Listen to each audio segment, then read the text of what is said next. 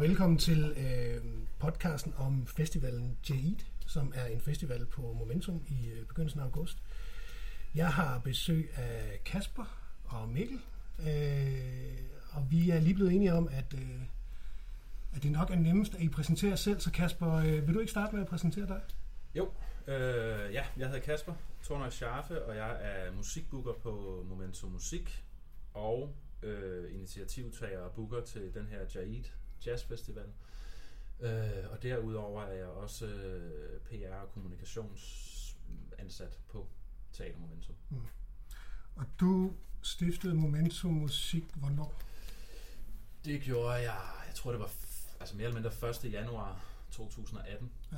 Øh, jeg havde booket et par måneder inden, øh, men det var mere sådan en prøveperiode, og så fandt vi ud af, at jeg arbejdede fint sammen med teateret og omvendt, og der kom folk til koncerterne og så videre, og så øh, gik jeg lidt i tænkeboks, og så kom vi ud med, med et koncept og et navn, og så ligesom prøve at og så forfølge det og skabe en profil, øh, mm. som vi synes manglede og mangler i Odense. Øh, så det er ja, et, et halvandet år gammel.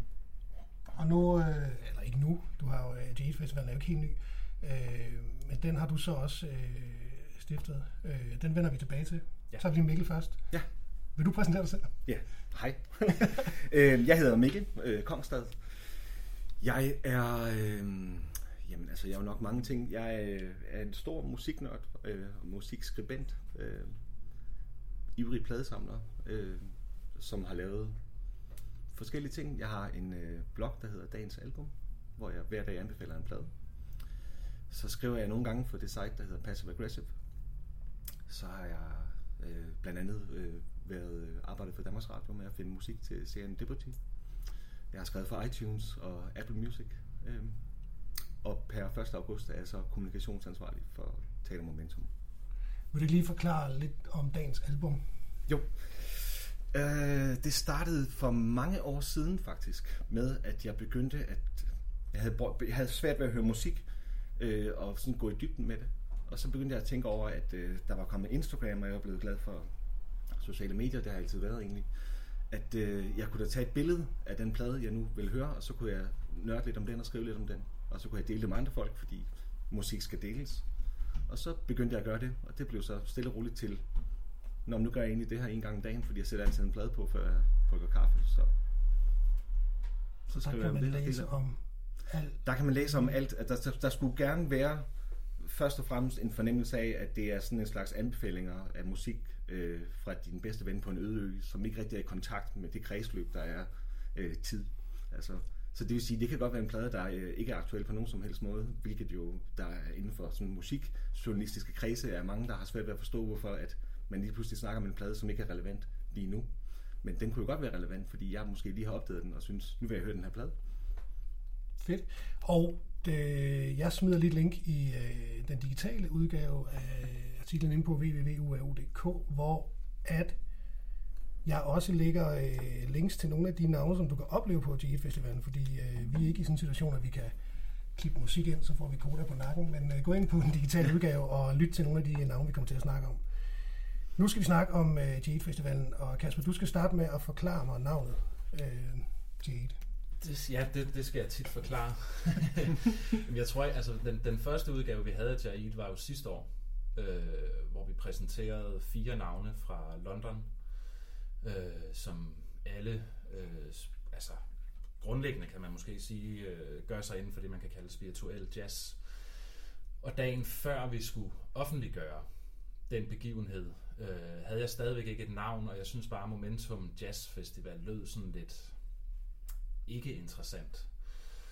Og så derfor gik jeg, jeg er også ligesom Mikkel, ivrig øh, pladesamler, så jeg gik i, i biblioteket eller i, i diskoteket, og så, øh, så gik jeg bare og kiggede på, på pladerne og hævde dem ud og tjekkede sangtitler ud og albumtitler og så videre og så videre, for at se, om jeg kunne finde et eller andet, som jeg synes kunne indkapsle det, jeg gerne ville fortælle med Jaid.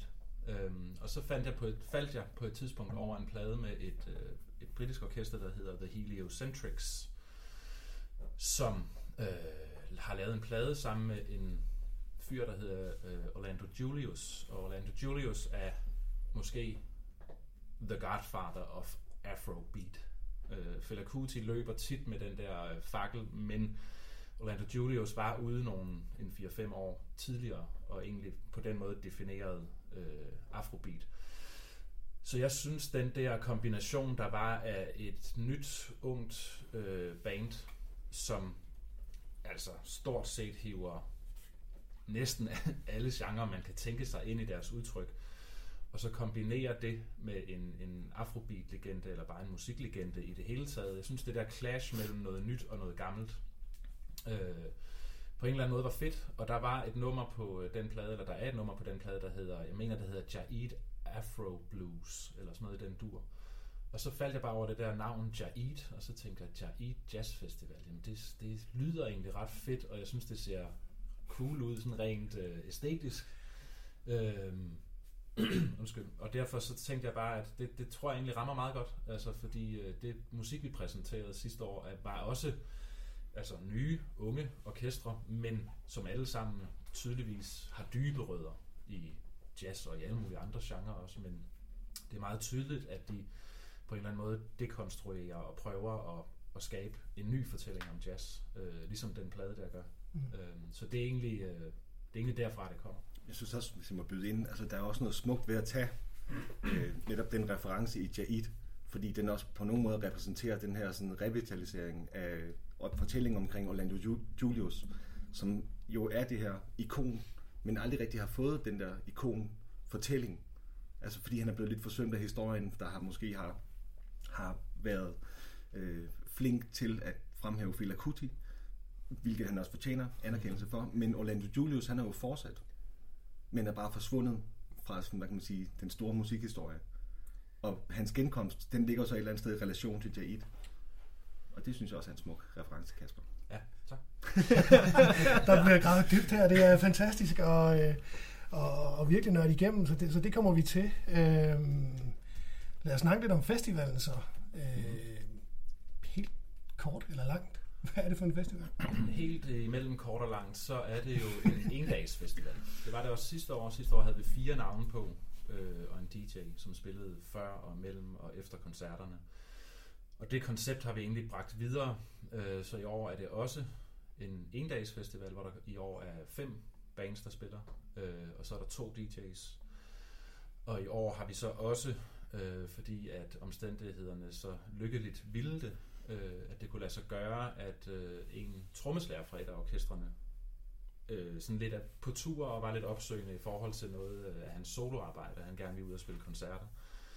Øh, det er en australier, der hedder Lawrence Pike, som spiller i det band, der hedder Sun Waves, som også spiller til Jaid. Øh, og han havde udgivet to plader, og så havde han bare øh, lavet sådan et open call på Facebook, at han i den her periode øh, var på udkig efter solokoncerter. Og så tænkte jeg, det var det, det bliver jeg jo nødt til lige at skrive til ham, at øh, jeg ved godt, du ikke sikkert ved det, men du spiller hos mig den 10. august, så skal vi ikke lave noget den 9. august, hvor du alligevel altså, skal være her. Mm. Øh, og det synes han var en skidegod idé. Og jeg synes, det var en skidegod idé. Så derfor har vi gjort det sådan ja, i år, at, at øh, ja, fordi ham kan man jo også, altså han har jo lavet en fantastisk plade i år, øh, der hedder Holy Spring, blandt andet, som, som jeg også tror, der bliver lagt et link øh, ud til inde på, øh, på den digitale udgave. Det gør vi. Øh, fedt. Øh, så derfor lavede vi bare sådan en ting med, at hvis man har billet til Jaid Festivalen den 10. august, så kan man komme gratis ind til den her pre-Jaid øh, koncert med Lawrence Pike den 9. august. Mm. Øh, så man kan sige, at på en eller anden façon, så spreder det sig over to dage i år, men, men det er centreret omkring den 10. Vi sad her, før vi øh, begyndte den her optagelse, og snakkede om, øh, genren på festivalen, og det er jo øh, temmelig svært at beskrive det, og jeg har siddet og lyttet på noget af det musik, som, som du sendte til mig i går. Øh, og vi blev enige om eksperimenterende. Ja. Det er jo et sted at starte. Altså, nogle, nogle gange har jeg også den der med, at, at jeg øh, har overvejet flere gange at droppe altså jazz, ja. så den bare hedder Jaid Festival. Ja. Fordi at det, det er forankret i jazz, men det vi jo også har valgt med Jaid Jazz Festivalen, er jo at fokusere på UK jazz, og ja. måske i, altså indtil videre overvejende på London, ja. øh, fordi der sker rigtig meget på den scene i London. Øh, og, og det er ikke, at nu siger jeg, at den scene, så lyder det sådan meget specifikt og meget definitivt, men det, altså, det er måske mere en bevægelse, øh, hvor der de sidste 3-4-5 år i London øh, af urensagelige årsager pludselig er, er sket en eller anden eksplosion derovre, ja. hvor, øh, hvor mange unge øh, såkaldte jazzorkestre begynder at, at fusionere alt fra postpunk til klassisk musik til øh, indisk raga til you name it. Øhm, så derfor er festivalen og bandsene altså forankret i jazz, men det er også så meget andet end jazz, man, man får til Jaid Jazz Festival. Så derfor havde jeg bare sådan overvejet meget det der med, om den måske egentlig skulle hedde Jaid Festival, fordi så, så øh, jeg ved bare, at det skræmmer folk væk. Altså, der er flere folk, jeg har snakket med i forhold til festivalen sidste år, som bestemt ikke skulle til Jaid Jazz Festival, fordi det var jo jazz. Mm. Øh, nogle af dem fik jeg faktisk overtalt, fordi jeg sagde til dem, at du køber billet og kommer ind, og så får du en koldbøt af den anden verden, og hvis ikke du tager noget som helst positivt med dig derfra, så refunderer jeg din billet. Øh, og jeg har ikke refunderet en eneste billet. Tværtimod kom folk nemlig over og var meget sådan, jeg kan jo ikke lide jazz, men jeg kan jo godt lide jazz. Mm. Og jeg havde har den, og det er det, jeg gerne også vil prøve med Jaid, og også Momentum Musik i det hele taget. Altså prøve at låse lidt op for de der måske nogle gange meget fastlåste selvforståelser af, at jeg hører jo rock, ja. mm. så kan jeg jo ikke høre jazz. Ja. Selvfølgelig kan du det. Men det er også derfor, det er vigtigt at holde fast i navnet jazz. Altså det er jo for at være med til at prøve at bløde den der fortælling op, der er om jazz, eller forestilling, der er om jazz. Fordi folk måske nogle gange har en idé om, at jazz det er noget med saxofon, eller jazz det er noget med sådan og sådan, eller mm. det skal man knipse til, eller det skal svinge på en bestemt måde. Ikke? Altså jazz er jo dybest set bare en idé, der hele tiden former sig på nye måder. Mm. Altså man kan stå op i morgen, og så er jazz noget nyt. Altså det, som jazz jo dybest set er, det er jo et eller andet sted bare en forankring i en, i en historie, der stammer tilbage fra dengang musik blev skabt. Ja. Altså jazz er ikke noget andet end det. Altså man må gøre med det, hvad man vil. Og det gør man for eksempel øh, i London nu. Altså, men man holder stadig det historiske fokus. Mm. Nu er det bare en ny fortælling, mm. som, som måske i virkeligheden altid har været der, men som er blevet øh, så nødvendig at fortælle, fordi folk, det er som om folk har glemt, at vi alle sammen er forbundet kulturelt. Vi lever i et multikulturelt samfund. Det vil sige, hvad kan jazzen gøre? Den kan, den kan fremhæve fordele og gode sider ved multikulturen. Altså den mm. fortælling, der hedder, vi er alle sammen forbundet igennem mm. rytmer, der har bevæget sig igennem historien altid. Ja, altså. men det er også øh, altså en af årsagerne til, at jeg så også alligevel har besluttet mig for at holde fast i ja. det der jazz. det er også, at for mig, altså så, så kan man nemlig, altså man kan jo også, og vi behøver ikke diskutere det i evigheder, men altså man kan jo også diskutere, hvorvidt jazz kun er en, mus, altså en musikalsk genre. Mm. Altså er der en eller anden faktaboks, hvor hvis du kan vinge de her otte øh, elementer af, så spiller du jazz. Eller kan man tage den på og sige, at jazz også kan være en måde at se verden på, eller at måske generelt forstå musik på. For mig er, nu laver jeg også blandt andet øh, en punk og hardcore festival, der hedder Ilder, mm. men det er i min bog en jazzfestival, lige så meget som det er en punk og hardcore festival, fordi punk er jazz, og jazz er punk. Mm. Altså for mig, der ligger der i det her med jazz, det er jo, at den traditionelt set udspringer af improvisation mm. og ritualer og sådan nogle mm. ting, og, og de er jo fuldstændig åbne for fortolkninger og kan fortolkes præcis, som du har lyst. Så, så for mig er det et mindset, det er en måde at gå til musik på, hvor du er åben over for, at ting kan smelte sammen, mm. og ikke er statiske, mm. og ikke har en eller anden konventionel øh, deskription, som foresiger, at det og det og det og det skal opfyldes. Mm. Så det er mere, altså punk var også et modsvar til det etablerede. Mm lige så vel som jazz kan og er et modsvar til det etablerede. Mm. Altså, der kan man... andre genrer også kan være det, men derfor synes jeg også, at netop, at jeg har besluttet at holde fast i det der jazz, fordi mm. jeg godt synes, det er spændende at prøve at se, om vi forhåbentlig bliver taget i ved med at, at køre og så videre, altså, men altså, altså så forsøge at se, om det der jazz, altså mm. kan vi hen over årene og så videre, kan vi få det her diskuteret, kan vi få det mm. debatteret, kan vi, kan vi få en eller anden diskussion eller debat om, hvad, hvad forstår vi egentlig helt grundlæggende ved musik? Mm. Og det er måske faktisk altså et af de steder, hvor, hvis man tager sådan noget som, måske ikke bare London Jazz, men, øh, men jazzen lige nu, altså et af de steder, hvor den faktisk er allermest punk, det er, det er jo et af de steder, sådan, hvor man diskuterer kultur og magt og forholder sig til de her strukturer og forholder sig til fortællinger omkring det multikulturelle osv., fordi du har Sons of Kemet, øh, Sarah som jo er en en global, han er en globetrotter, ikke? Altså, men han, han forbinder jo musik med, altså indisk musik med London jazz, og laver fortællinger om, at jeg er jo en, en, en, en, en englænder, der er indisk født og har rejst rundt i, i verden. Altså, jeg skal have et stort sted et eller andet sted, ikke? Øh, der er jo flere, Caleb er jo også en fortælling, der også fortæller omkring, at vi lever i en global verden. Mm. Altså, han er jo han er italiener, mm. ikke? som tager til London, men altså, forbinder hele det her netværk, som jo er altså Afrika, Asien, mm. øh, Amerika, Vesten. Ja. Altså, vi er alle sammen forbundet. Vi har jo rejst rundt i evigheder. Ja. ja. Og lige præcis uh, Calab eller Calab, tror jeg faktisk, det skal udtales, men ja, som er et af de navne, der spiller til Jaid. Uh, og nu nævnte Mikkel også uh, Sadati Kovar, mm. uh, som spillede til Jaid sidste år, og også har spillet på Momentum tidligere. Og når Calab spiller live, så har han ofte Sadatikova med på trommer. Ja. Øh, så igen, og man kan sige, at med den uh, Caleb Calab lavede en plade sidste år, der hed Black Noise 2084, øh, hvor, som er utroligt tungt sample-baseret, ja. men hvor det er alt fra ritualistiske stammedanse i Afrika til strobesang fra Asien til øh, moderne jazz i Vesten, og altså hele verden er pakket ind i sådan et kæmpe stor mosaik eller smeltedil af musik okay. eller jazz, kan vi også kalde det. Og så er der en fyr som Kovar, som, som er indisk, født i USA, mm. rejst tilbage til Indien, øh, og så har fundet sin vej øh, til London, ikke?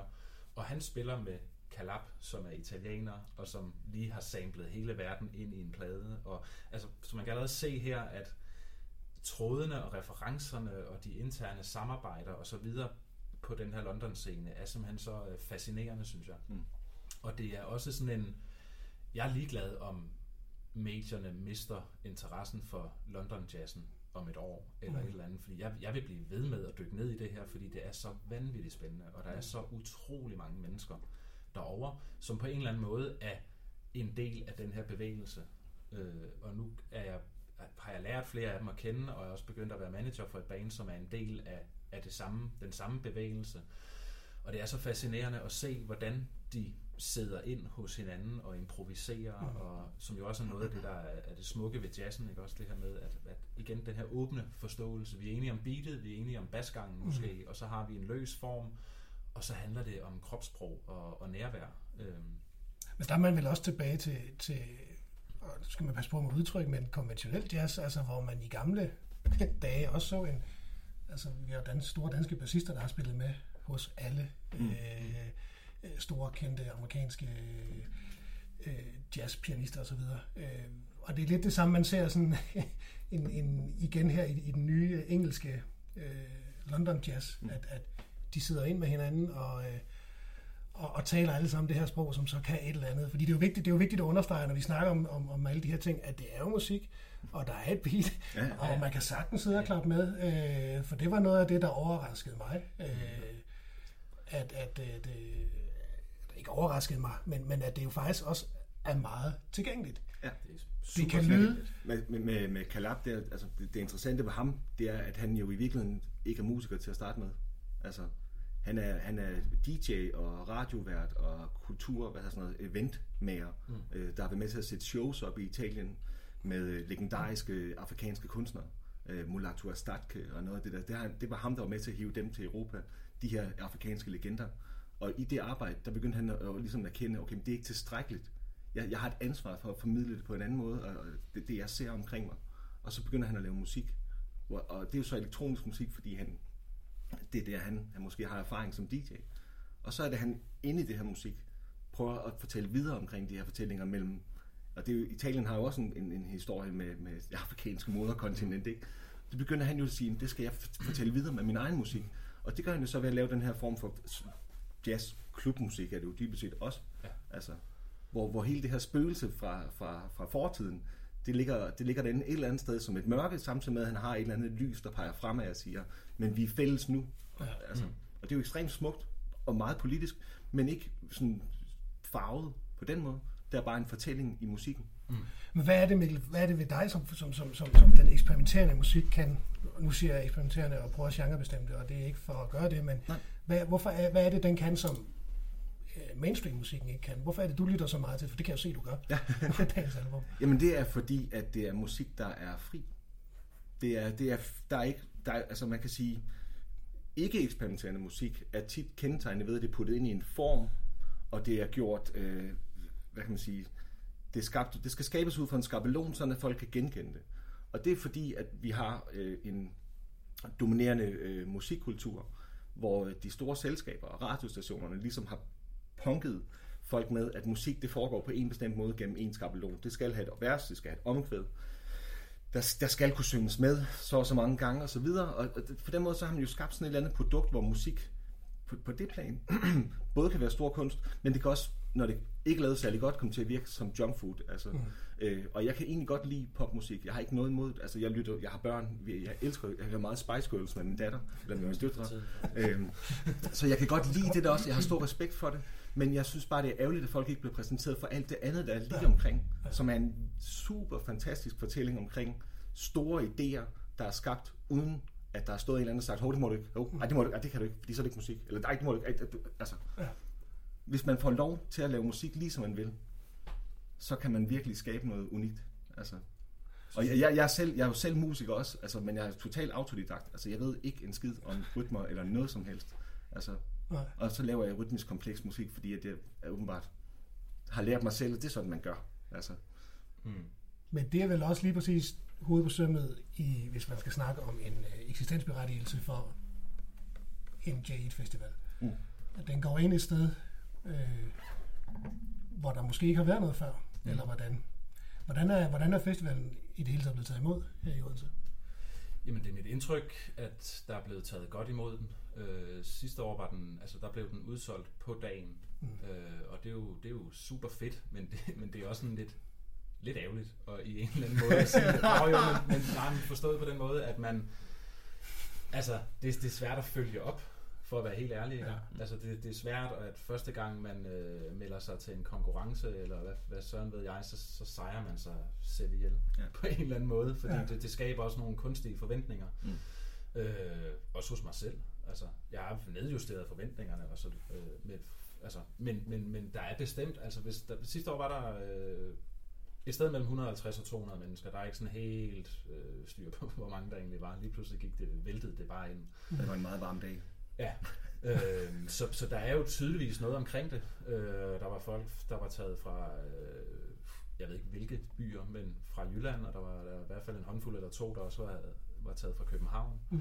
Øh, så så der, der kom folk fra hele landet, og den fik øh, god eksponering i P8 Jazz. Øh, så, så der har været, helt sikkert været en, øh, en opmærksomhed omkring den. Mm. Øhm, jeg skrev også nogle, nogle artikler og noget til nogle forskellige blade og noget i, i København omkring øh, London Jazzen.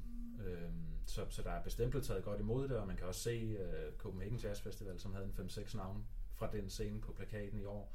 De var alle sammen godt besøgt. Mm. Altså, så så øh, den har uden tvivl sin berettigelse. Hvad, hvad, gør det, hvad gør det for en, for en, og det er et spørgsmål til begge to, hvad gør det for en by som, som Odense, at man også begynder at kunne få, fordi det, det, det kan vi vel nærmest godt sige som faktum, at det har, det har været lidt svært at få mm.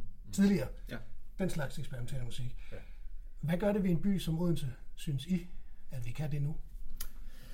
Altså, det gør jo det, at øh, vi forhåbentlig begynder at få lidt af det her storbys øh, ting over os, som vi jo gerne vil have i Odense, og som vi jo har i mange andre hensener, men måske har manglet lidt i, på musikscenen. Mm. Man kan sige, at en storby har selvfølgelig også en tinderbox. Øh, det er fuldberettet. Mm. Men, men den skal også have plads til at fortælle, at musik kan foregå på mange forskellige måder. Ja. For den skal gerne inspirere mennesker, der laver musik til, at de ikke behøver at tro, at den eneste vej, jeg kan gå med min musik, det er, at jeg skal ende med at være hovednavnet på Tinderbox fordi ellers så har jeg slået fejl. Mm. Fordi den fortælling, den er så snæver for det første, og for det andet så er den ikke sand, altså fordi der er så få mennesker, der lever af at spille musik, at, at, at alle andre, de spiller jo bare musik, fordi de gerne vil, og fordi musik er sjovt. Og hvis man skaber en scene i, i Odense, hvor der er plads til, at man kan fortælle folk, at musik kan foregå på alle forskellige måder, så skulle man, kan man forhåbentlig holde på nogle flere folk i den her by, som laver musik, på en anden måde end den, hvor det er, den skal på Tinderbox. Mm. Mm. Jamen, jeg synes også, at netop det der med, øh, og det, det er jo lidt sådan en eller anden øh, X-faktor voice øh, tendens, eller altså hvor, hvor jeg kunne se det der med, at så er der lokale bands, der har været med i en konkurrence om at komme til at spille på Tinderbox og så videre, og det er jo super fedt. Mm. Det er jo mega fedt for det lokale miljø, og det der er super fedt, at en, en mastodont som Tinderbox øh, giver plads til sådan nogle ting her. Mm. Jeg elsker det. Mm.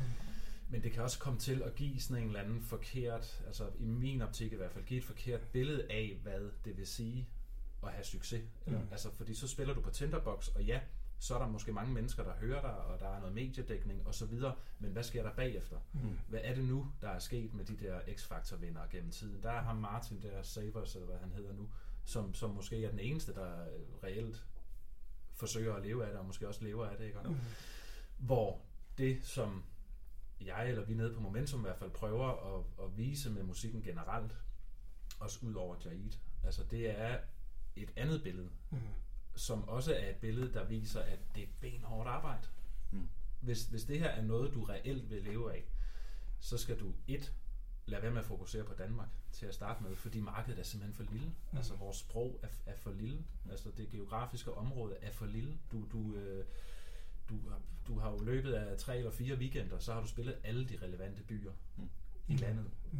Og det er, nu har mig og Mikkel jo blandt andet sammen også været på, øh, på tur i, øh, i USA tilbage i 2007.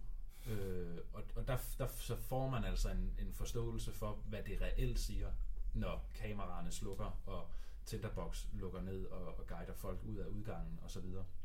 Det er benhårdt, Ja. og det koster mange penge. Mm. Altså, de her, øh, for eksempel øh, en, en kvinde, Tamar Osborne, som spiller i et band, der hedder Collecutor fra den her øh, London-scene. Og Tamar spiller også i år øh, sammen med Sara Tikova og, og Kalab. Øh, hun postede det i dag, så jeg på Facebook, sådan, den her weekend er der kun én koncert, og det er i Italien. Ja. Altså, det er lidt for Ja. hende som udøvende musiker, der skal leve af det her. Ja. De her mennesker, de flyver rundt konstant. Ja. Altså, det samme med Kefaya, det band, jeg arbejder med. Altså nogle af de der, de, fordi så spiller de jo også med andre orkestre, for at få, øh, få det til at hænge sammen økonomisk, ikke? Og de, er, altså, de kan være væk hjemmefra i tre uger, og så er de lige hjemme og vende i en to-tre dage, og lige få vasket tøj, og lige få betalt nogle regninger, og så flyver de ud igen, og så er de væk to uger igen, og så videre, og så videre. Mm. Altså det, at det også er den forståelse, fordi mange af de bands, vi præsenterer, i hvert fald fra udlandet på Momentum, vil meget gerne snakke, vil meget gerne fortælle, er meget imødekommende, og vil gerne snakke med publikum, og vil gerne altså, udveksle idéer og tanker og filosofier og teorier og metoder, og hvad fanden det nu kan være. Mm. Og det er jo en anden ting, som jeg også håber kan have øh, en effekt i Odense. Altså at, at folk på konservatoriet, eller 1748, eller øh, hvad de nu hedder, de her forskellige øh, steder i byen, hvor, hvor folk forsøger ligesom at MGK og sådan at, at gøre det til en levevej. Mm. Kom nu ind, mand. Fordi Mm. de her mennesker har et gigantisk netværk over hele verden. Mm. Også i Indien, også i Asien, for der spiller de også for at få tingene til at hænge sammen. Mm. Eller i Palæstina, eller i Bosnien, eller hvor pokker det nu kan være henne. ikke? Men de, de, Øh. lever, de lever jo så at sige af at have det her globale fællesskab og af at være nysgerrige. Ja. Altså, Ja. så, så, så deres øh, første, det første, de gør, når de kommer til en ny by, det er jo dybest set bare at sige, hvad kan jeg få her, hvad kan jeg få her? Ikke? Altså, Ja. Hvem er der af mennesker? Jeg vil gerne snakke med mennesker. Ja. Øh, og, og man kan sige, som, hvis man skal diskutere, hvorfor det også er vigtigt for en musikscene i Odense at have det, så er det jo netop fordi, ligesom vi har øh, jam, øh, hvad er det, mandags jam og blues jam. Ja, ja. Det er jo en måde, man kan se, at musikken blev skabt på en eller anden sjov konstruktion. Her der er der jo en, en, en, en måde, hvor musikere kan komme, kan komme ned og opleve en koncert med bands, og så bagefter faktisk snakke med dem, og måske, Ja. hvad ved, altså hvad kan det ende med? Altså at de laver noget sammen, eller at, altså, det er jo sådan noget der, ikke? Jeg har meget fint øh, faktisk i forhold til det der med at snakke sammen. Fordi at nu hende Tamar her, som jeg, som jeg lige fortalte om før, hun spiller også med ham Sara Tikova, Mm. når Sara Tikova er ude at spille i eget navn. Mm. Og der er en, der hedder Al McSween fra Kefaya, som jeg er manager for, som også spiller med Sara Tikova, når han er ude at spille. Og den trio der spillede på Momentum i 2017, før der var noget, der hed Momentum Musik. Okay. Og der snakkede jeg jo med de her søde mennesker bagefter. Og der var det faktisk, hele Jaid kan faktisk krediteres Tamar. Fordi hun sagde til mig sådan, at shit, hvor er det vildt. Altså, vi, vi, vi har ikke spillet, jo, en af dem havde vist spillet i København en enkelt gang, men ingen af dem vidste, hvad Odense var for noget. Altså, er det noget, man spiser, eller er det en bil, eller hvad er det? Det er en by. Ja. Men de synes, de var blevet taget så godt imod, og det var så rart at være her, og publikum var ekstatiske. Altså, der var, hele rummet var elektrisk. Og efter den koncert der med Sadatikova-triven, så kom hun over til mig og sagde sådan, hey, prøv at høre, altså vi er sådan en 15-20 rigtig gode venner, som faktisk på kryds og tværs spiller sammen. Kunne det, ikke være, kunne det ikke være en idé at lave sådan en endagsfestival, hvor vi kommer over, og så præsenterer vi nogle af de her bands, og så går vi lidt til og fra hinandens koncerter. Og jeg sådan tænkte, det er den bedste idé, jeg har fået, siden jeg er begyndt at booke hernede, som jeg ikke selv har fået. Nej, men, men det er igen det der med, hvis, hvis man er lidt åben, og hvis man er lidt imødekommende, og man er lidt sådan, du ved, så fik jeg jo fundet nogle penge, og, og, og satset også en masse penge. Det, det, Mhm. Den løb lige rundt sidste år. Men det er jo mere den her med, så kommer der fire bands, og så kommer der noget, der hedder Jaid, fordi at vi bare er mennesker, der mødes Mm. og, og, og klikker over, at det er fedt at behandle hinanden godt. Fordi så er det faktisk rart at være sammen, i Mm. stedet for at, at skyde ned. Øh, og det er det samme med musik, som jeg snakkede om før. Jeg hører kun rock. Mm. Du kommer ikke, altså, kom nu ud over de der cirkler, fordi der er så meget andet spændende derude. Mm. Øhm, men, men den synes jeg egentlig i forhold til, øh, også bare i forhold til, hvordan hele Jaid-tingen er kommet op at stå, den er kommet op at stå ved, at mennesker mødes og udveksler kultur og snakker. Øhm, ja, det, det fik den bare lige. Ja, ja, det, det, ja, det, det er så fint. Øhm, jeg kunne godt tænke mig at snakke lidt om, øh, om nogle af de navne, der kommer. Øh, måske når vi alle sammen. Hvis vi starter med øh, Kalab.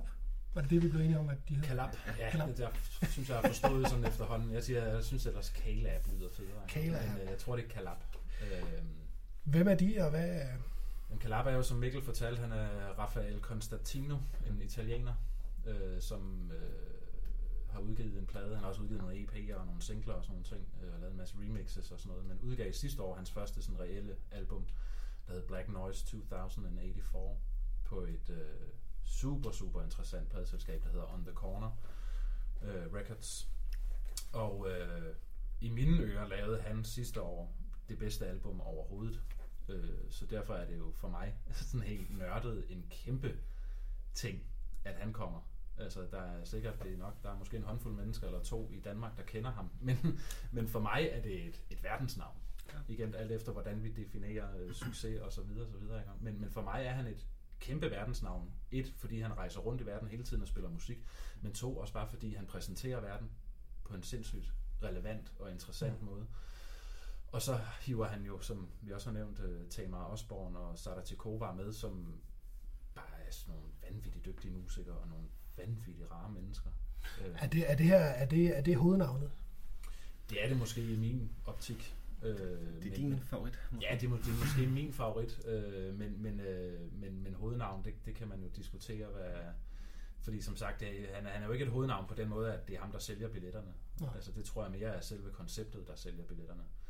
Øh, men ja, Calab er, er, er et, et det, det skal man se. Altså, det, hvis man går på YouTube Ja, eller ja. Vimeo eller et eller andet og tjekker, tjekker den der trio ud, øh, så, så er det jo, det er jo, det er jo grænsen til at være rave.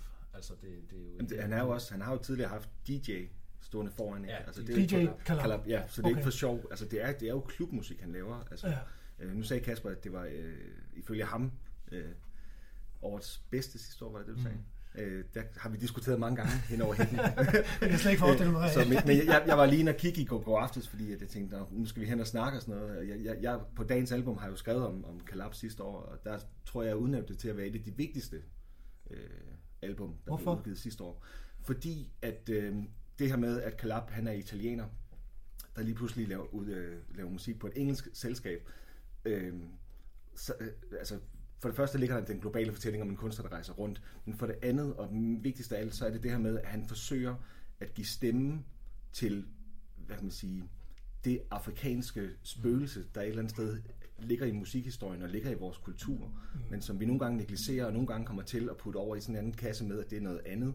Altså, vi er alle sammen afrikanere. Altså, og det er ligesom det spøgelse, han tager op og diskuterer i forhold til vores sådan, øh, koloni øh, kolonimagtstid og i Italien og man kan sige hele den her migrations, øh, øh, hvad hedder det, flygtningestrøm, vi har lige nu og oplever. Så står man der et eller andet sted på en klub i, i Rom eller hvad Søren og bare spiller bangers. Altså, hvor, hvorfor, ikke, hvorfor ikke lige åbne døren ud og så sige, der er sgu en verden omkring os, og så få den fortælling med ind og så sige, mm. vi lever i en tid lige nu, der er kompliceret, men vi kan jo vi kan omfavne det på forskellige måder. Vi kan omfavne det positivt, og så sige, hvor er det dog spændende, vi endelig er kommet i tanke om, at vi er forbundet med hinanden alle sammen, frem for at mm. vi gør det modsatte og siger, at vi er forskellige, vi er forskellige. Altså, Ja. og, det, og, og det diskuterer han via klubmusik. Ja. Altså, uden at det er indmæsende, uden at der er noget der. Altså, det er mere sådan et, et, et, et spøgelse fra fortiden, der ligger inde bagved og møder øh, fremtiden, altså i, i et stort lys. Altså.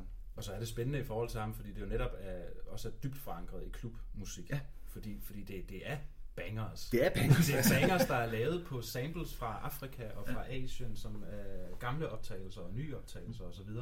Og der er vi igen tilbage til den der, jamen er det så jazz? Ja, det er jazz. Ja, det. Altså, fordi der er stadigvæk masser af konventionelle, skråstreg, traditionelle jazz-elementer med i det her. Ja. Men det er igen tilbage til verdenssynet omkring jazz. Men det altså, det det er at viser- åbne op og, og være åben over for, at klubmusik er også jazz. Men, men den viser os også, at der er den forbindelse mellem, nu har lige været bas under broen, øh, for eksempel, ikke? den viser, at basmusik er også forankret i den historie, vi alle sammen har. Altså, mm. Både i jazzen og i afrikansk musik og i alle de her ritualer. Mm. Altså, klubmusik er også et ritual. Hvorfor ikke diskutere det, og det er det, han gør. Ja. På en banger-agtig måde, for at sige det. Ja. Så, Lad os hoppe videre til et navn, som I nok skal hjælpe mig med. Ja. Ja. Salesians of Transneptunia. Er det rigtigt? Det er titlen det er på... på en EP med, med et band, der hedder Planet Batagon. Det fik jeg så ikke med. Nej, okay. Men det er et, øh, et band, der hedder Planet Batagon, som øh, selv kalder deres musik for droide jazz. Og alene det gjorde, at jeg tænkte, det bliver jeg simpelthen nødt til at booke, fordi droide jazz, det er da en, en af de fedeste genrebetegnelser, jeg nogensinde har stødt på. Øh, så det er sådan en, øh, det er en trio, øh, som deres udtryk er, er svært at beskrive. Det er måske det mindst groovy, øh, Det mindst groovy. det mindst groovy orkester, der kommer. Øh, ikke forstået på den måde, at det, det er ikke sådan free jazz, hvor der er en, der står og brækker sig ned i saxofonen, og så trutter det over i hatten på den anden, som så kaster den ud til publikum, mens der er en, der træder rundt i læger og sparker til klokker. Eller, altså, det er ikke sådan noget improteater slash free jazz. Det er slet ikke det. Det er stadigvæk, det er stadigvæk struktureret, men Der er ikke nogen, der knipser. Nej, det bliver svært. Du kan godt, hvis du gerne vil tage din turtleneck på og, og tage din peak med. Du kan godt sidde og vippe ekoskoen, hvis du, hvis du har Ja. de tendenser. Men de er virkelig... Det er droide jazz, og hele deres pressemeddelelser og sådan noget er også bundet op omkring de her fiktive planetsystemer, som ja. musikken er født på, og Hvis- er blevet bragt her til jorden, og, Ja. og så videre. De er virkelig nogle spaces. Altså, hvis, hvis man skal være sådan lidt, lidt nørdet eller sådan noget referentielle, altså så de, de, man kan sige, de tager jo over der, hvor sådan en som Sun Ra, øh, Ja. ligesom, han, han har jo forladt den her planet, men han er jo stadigvæk som idé, og hans orkester spiller jo stadigvæk videre, selvom de er i 90'erne, det er jo helt vanvittigt. Mm. Men han har forladt den her planet, men så har han efterladt sådan noget som Planet Batagon, som jo er, øh, man kan sige, Sun Ra havde, er ligesom to øh, fødder øh, i jazzhistorien, altså der er hans sådan hardbop og modal jazz, den sådan mere klassiske jazz, vi kender, mm. øh, og orkesterjazz også. Og så er der hans anden del, som er, er den her sådan afrofuturistiske jazzfortælling, som er, hvor, altså, hvor der er synthesizer over det hele, men de er sådan, der er helt sådan en kæmpe stort lag kosmisk støv ned over dem. Så han har formået at få de her maskiner, jo, som synthesizer jo dybest set er, har han fået til at ligesom bløde op, så de ikke er maskinelle og hårde og tunge, men de er flydende og de syder og mm. alle mulige ting. Og det, det er sådan der, hvor Planet Batagon, de kommer ind og siger, Nå, det, det sprog der, det kan vi godt lide. Det bygger vi videre på. Altså, en eller anden idé om, at maskinerne kan sættes fri via vores kosmiske sjæl og, og så videre. Ikke? Og det, det, det er sådan det, de gør på en, på en i øvrigt indbydende måde, fordi altså, hvis du sætter dig ned og så ligesom lukker øjnene, så kan du godt komme med på det trip, som de helt sikkert sende dig afsted på. Uden tvivl, og også nu, hvor Son Ra bliver nævnt, så, så kan vi også sagtens nævne Herbie Hancock for eksempel, som Ja, ja. Miles Davis, som er navne, der er måske ja. flere, der kender, ikke også? Men Jo. hvis man, hvis man sådan begrænser Herbie Hancock til omkring hans fusionstid, og i særdeleshed en plade, der hedder Sextant. Øh, så, så er der en meget, meget klar reference der, eller det kan være Don Cherry og hans plade Brown Rice, eller sådan noget, som også kan være en meget klar øh, reference, eller Miles Davis i nogle af hans øh, On the Corner, eller mm. nogle af hans mere sådan udknaldede fusionsplader. Så det er ikke, igen, Det er altså, det, han hvis, hvis du kan lide de tre plader, jeg lige har nævnt, så vil du knus elske Planet ja. Batagon.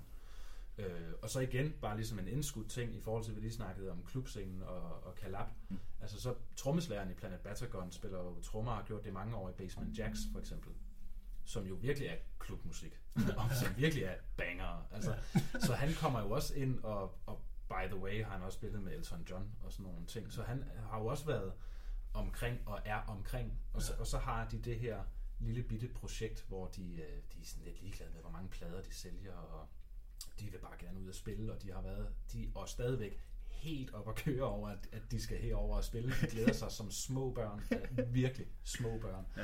Altså, Fedt. så, så det er bare, øh, det, det, bliver, det bliver så, det glæder jeg mig helt vildt til. Ja. Altså. Jeg minder om, at jeg smider linkene til, til den her musik, hvis man har lidt svært ved at forestille sig, hvordan det lyder. Så ja. gå lige ind og... og Gør det, gør det. Jeg prøver. øh, lad os så videre til de næste Sun Waves. Ja, det er også øh, det er en trio, som øh, igen, øh, man kan sige, hele programmet i år, det skal måske også siges, det kan jeg ikke huske, om jeg har fået sagt, eller vi har fået sagt, men er jo så, hvor den var forankret sidste år i den spirituelle jazz, mm. så har vi i år mere fokus på der, hvor jazzen møder det elektroniske, eller den elektroniske musik. Øhm, og Sun Waves er jo øh, også folk, som ved siden af det her, den her trio her, øh, laver elektronisk musik. Øh, der er en fyr, der hedder Luke Abbott, øh, blandt andet, som har udgivet nogle øh, soloplader igennem tiden, øh, som er elektroniske plader, øh, men som også har nogle helt klare og tydelige jazz-referencer, øh, meget sådan trance-inducerende musik. Øh, og så er der en fyr, der hedder Lawrence Pike, som egentlig er australier, øh, som også har udgivet nogle soloplader, og som blandt andet også spiller med det amerikanske band Liars, øh, og Bill Callahan, øh, sådan nogle ret forholdsvis prominente navne. Mm. Øhm, og det er egentlig sjovt, det går også op for mig nu, når vi sidder og snakker om det, at der er jo mange, altså man kan jo høre på de her musikere, der er vildt mange referencer til andre musikere, og til andre genrer og så videre, og det, og det er jo meget sigende, tror jeg, ja. øh, for de her bands, der kommer, og, og måske for den form for jazz, hvis det er jazz, mm. som, som vi prøver at præsentere, ikke også, at du, du har lige pludselig referencer fra alt fra Basement Jacks til Sun Ra til Liars til Bill Callahan. Altså det var mere eller mindre nord, syd, øst og vest. Ja, ja, ja. Der, og så har du engang nævnt det, det sidste medlem nu, Jack Wiley, som jo har spillet med Portico Quartet, og, ja. som jo er, hvad kan man sige, og det er jo det er interessant, det er også et London Jazz navn, men det er et interessant navn, fordi det er fra bølgen lige før ja. den scene, vi sidder og diskuterer, som jo, altså, hvad kan man sige, viser, at... Man polarbear snak i poppy og Præcis, at London Jazzen har faktisk været i gang i længere tid, mm. men, men det er først nu for alvor, den sådan er ved at samle sig i nogle former, hvor, hvor mange flere lige pludselig får øjnene for den. Ikke? Mm. Men Portico Quartet, som han har spillet med, er jo, altså, det, ikke, det er sådan the Radiohead of uh, jazz, eller sådan noget, ikke? Altså, ja. øh, så han er også et, øh, ja. et interessant navn at få. Ja. Og det er, jo, det er jo også bare, altså, den, den glæder mig, men det er også fordi, jeg så kender folk, som har set Sun Waves live, og der er bare flere, der, der siger, at altså det er noget af det bedste, de nogensinde har set. Altså det er meget, det er meget smukt. Ja. Der er utrolig mange flotte ambiente klangflader og lidt løse trommer, som en gang imellem også lige pludselig bliver vivlet ind i et eller andet tight club-agtigt mm. øh, beat. Ja. Øhm, så det, så det, det, det er sådan en, den, den, den, den glæder jeg mig til, også fordi det faktisk er et band, jeg har prøvet at få til Odense, siden jeg startede med at book, altså tilbage i 2017, mm. Øh, har jeg været i dialog med dem og grundet alle mulige forskellige omstændigheder har det ikke kunne lade sig gøre, men nu har det så endelig kunne lade sig gøre, og det er jeg jo personligt også bare super, super glad for, og så er jeg super glad for, at det så også er i Chaid-regi, ja. så de også kan komme over med folk, som de måske, måske ikke kender. Jeg ved ikke, hvor, hvor familiære folk er med hinanden. Jeg ved, at der er nogle af de her kovarer og sådan noget, som kender som Waves, fordi de bliver udgivet på de samme pladeselskaber og sådan noget. Øhm, så, så det, det for mig er det, det, det, det er rigtig, rigtig, rigtig glad for at kunne præsentere netop det band i netop ja. den kontekst. Det er også, altså jeg tror, at Sun, Sun Waves på mange måder også et af de smukkeste eksempler lige nu på, at, øh, at sådan en term som impro-jazz, mm-hmm. altså den, den kan tage røven på de fleste. Altså, fordi det kan godt være, at du tror, at du, når du hører ordet impro, at du løber skrigende bort. Mm. Men Sun Waves, du vil opleve, at det føles som om, at de har styr på fuldstændig alle de tilfældigheder, de øh, ruder sig ud i, at det vil hele tiden virke organisk og varmt, og mm. de reagerer super fantastisk på det. Fordi det er nogle af de dygtigste impromusikere, der, der mm. er herude lige nu. Ja. Øh, Lawrence Pike, øh, mm. der som jo også spiller dagen før. Ja, lad os tage ham til at starte, fordi ja. han spiller så dagen før. Ja. ja. Lawrence Pike, han, han, er, det er, han er så trommeslager. Øhm, og øh, altså, jeg, jeg diskuterede ham faktisk med min kone øh, her den anden dag, fordi at, øh, jeg laver det her dagens album, og det betyder, at jeg har en kone, som skal være meget forstående at forstå hele tiden, der er ny musik, der bliver sat på, og så skal du ligesom acceptere det. Og, og jeg tror, en af hendes første reaktioner, det var, at det her improvisation? Okay. Og, og, det, det på, må- på en eller anden måde, det er fordi, han er blød. Han, han mestrer det her med at styre tilfældigheder i sin musik. Og han spiller, han spiller så trommer, og så har, øh, har han noget, noget trommepad, drumpad, altså mm. noget elektronisk. Som, og han arbejder så i det her felt mellem tilfældigheder og kontrol på en eller anden måde, hvor han ligesom prøver at skabe en ny øh, sige, kompositorisk ramme for, for trommeslager som skabende øh, musiker ved at bruge computeren og elektronikkens muligheder samtidig med, at det, det, det er improvisation. Mm. Altså, jeg ved ikke, om man kan forestille sig, det her med at improvisere med elektroniske komponenter i sig selv, altså det er sådan lidt en, det er jo en, en speciel manøvre. Ja. Altså, men men du, hvis du så samtidig spiller trommer, hvilket han gør, ikke? så har du sådan et helt unikt sted, hvor der er dialog imellem maskiner og mennesker, på en måde, som, som er... Så synes jeg også, at han er, han er god til sådan at nedbryde... Øh, jeg synes, jeg har stødt på mange mennesker igennem tiden, som hvis man snakker om elektronisk musik, og Mm. så tilbage til, så hører de bestemt ikke elektronisk musik, fordi det er jo bare noget med at trykke på en knap. Ja, ja. Altså, det, der, det, det er så, han er så fin, og det er Sun Waves faktisk også i det hele taget, Ja. så fine eksempler på, hvordan du snilt kan improvisere Mm. med elektronisk gear. Det er jo et spørgsmål om, som alt muligt andet, at, at bare vide, hvad det er for noget gear, du har, Ja.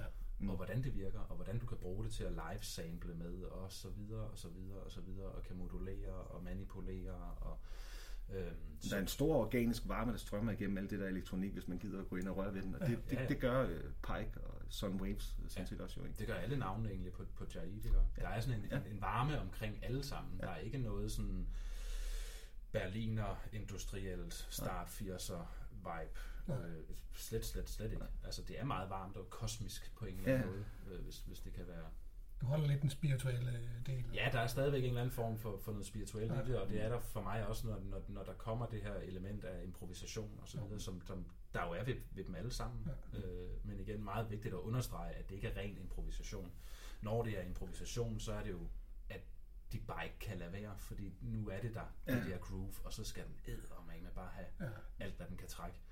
Øhm, så, så, så der er for mig i improvisation, er der bare grundlæggende et eller andet spirituelt. Ja. Ja. Fordi der er det noget med, at du er lidt ude der, hvor du har sluppet selerne og, og er lidt ude på noget dybt vand. Ja. Ja. Øh, og du er ikke helt bevidst om, hvad der er nede under dig, eller hvem der svømmer ved siden af dig. Så du bliver ligesom nødt til at, at, at ikke famle dig frem, fordi der er nok er stadigvæk er nogle retningslinjer, ikke også? Men, men der er noget spirituelt i det Ja. ja. der møde med et andet menneske, hvor vi ikke er fuldstændig enige om, fordi musik er jo ikke, altså det er jo et sprog, men det er en anden form for sprog, så, så der er jo noget kommunikation, hvor du virkelig bliver nødt til at være meget nærværende, Ja. og måske give, give slip på, på en masse øh, mere eller mindre rationelle strukturer, som ellers styrer din hverdag, eller din karriere, eller din opdragelse af dine børn, eller hvad det nu måtte være. Mm. Så, så grundlæggende er der også helt klart et spirituelt element i, i programmet i år.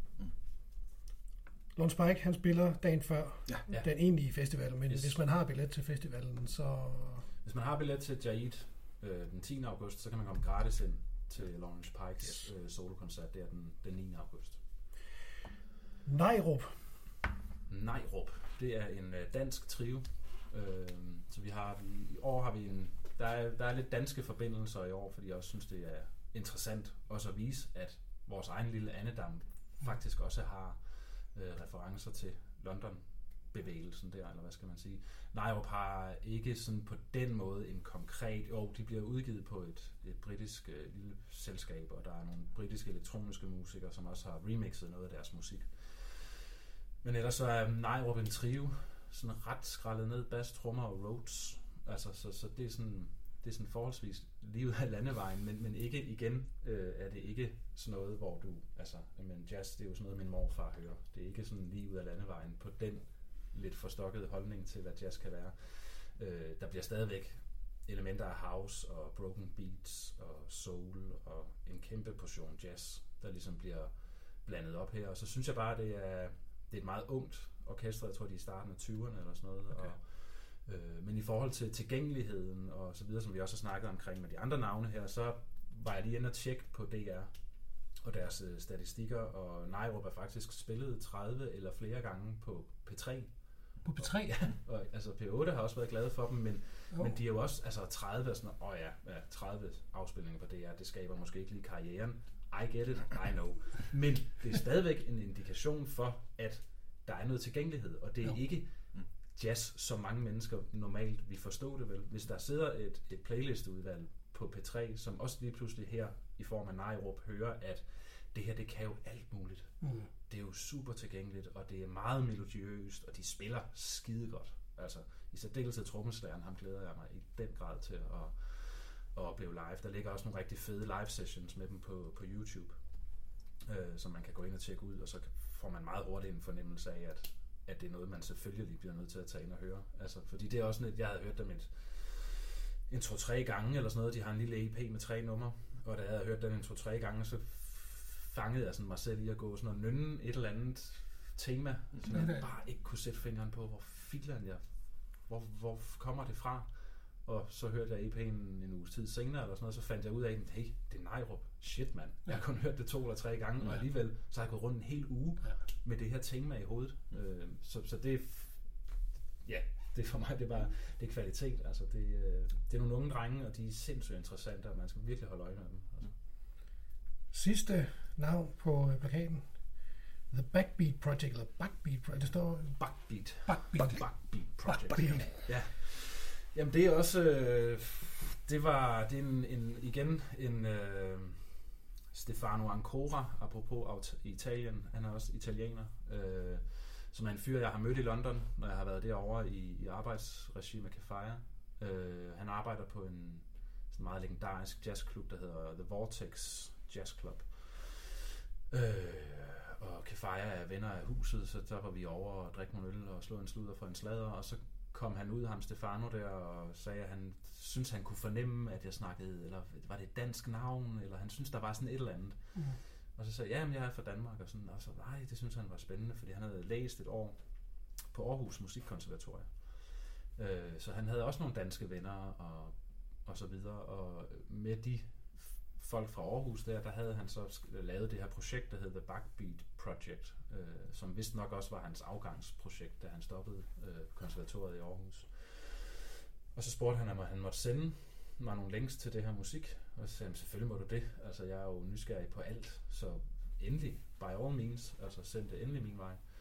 Øh, og de har så to numre liggende på SoundCloud, øh, og det faldt jeg bare pladask for, øh, fordi de også bringer elektroniske elementer ind, men også har sådan et så vender vi tilbage til Kalab og de afrikanske, og vi er alle sammen afrikanere, eller, eller noget i den dur, men, men hvor de dyrker sådan en senegalesisk tromme, der hedder en sabar-tromme, øh, som kan være lidt svær at forklare, hvordan den lige virker, og hvordan den lige ser ud, men det er sådan et omdrejningspunkt, fordi Stefano der er trommeslager, og trommer og percussion og så videre er ligesom hans instrument, øh, så, så det er noget, han nørder og dyrker. Øh, Øh, men jeg synes bare, at et, det kunne være skide spændende at præsentere et navn, som i bund og grund er fra London, men hvor der er danske referencer for at vise, at der faktisk også er danske musikere, som gør sig, hvor aktivt ved jeg ikke, men som også gør sig i de her bevægelser eller i de her miljøer. Øh, det var den ene ting, og den anden ting, som jeg også synes er rigtig spændende, det er jo som kulturformidler eller som musikbooker også at være nysgerrig og være opsøgende og komme ud og, og trække lidt i, ude i krone og så videre, og jeg synes, det er rigtig interessant at præsentere et navn, som faktisk kun har to numre liggende på SoundCloud, måske tre efterhånden. Øh, de har ikke noget album, de har ikke noget øh, distribution, de har ikke noget pladeselskab, der er ikke noget publishing, der er ikke nogen booking agent, der er nada. Der er de to numre, der er derude, og så er der 300, der synes godt om dem på Facebook. Altså, større er det ikke, vel? Men det er bare skide godt. Og igen sådan et, hvor der er i løbet af de to numre der, altså igen så utrolig mange temaer, som bare er altså skabt til at blive synket til serier, eller til film, eller til teaterstykker, eller hvad pokker ved jeg. Øh, fordi det er bare, det er tilgængeligt. Og igen, de spiller godt, og det er, du kan sagtens få den der klubstemning også. Øhm, men samtidig har du det her fokus, der hele tiden kredser omkring den her afrikanske tromme.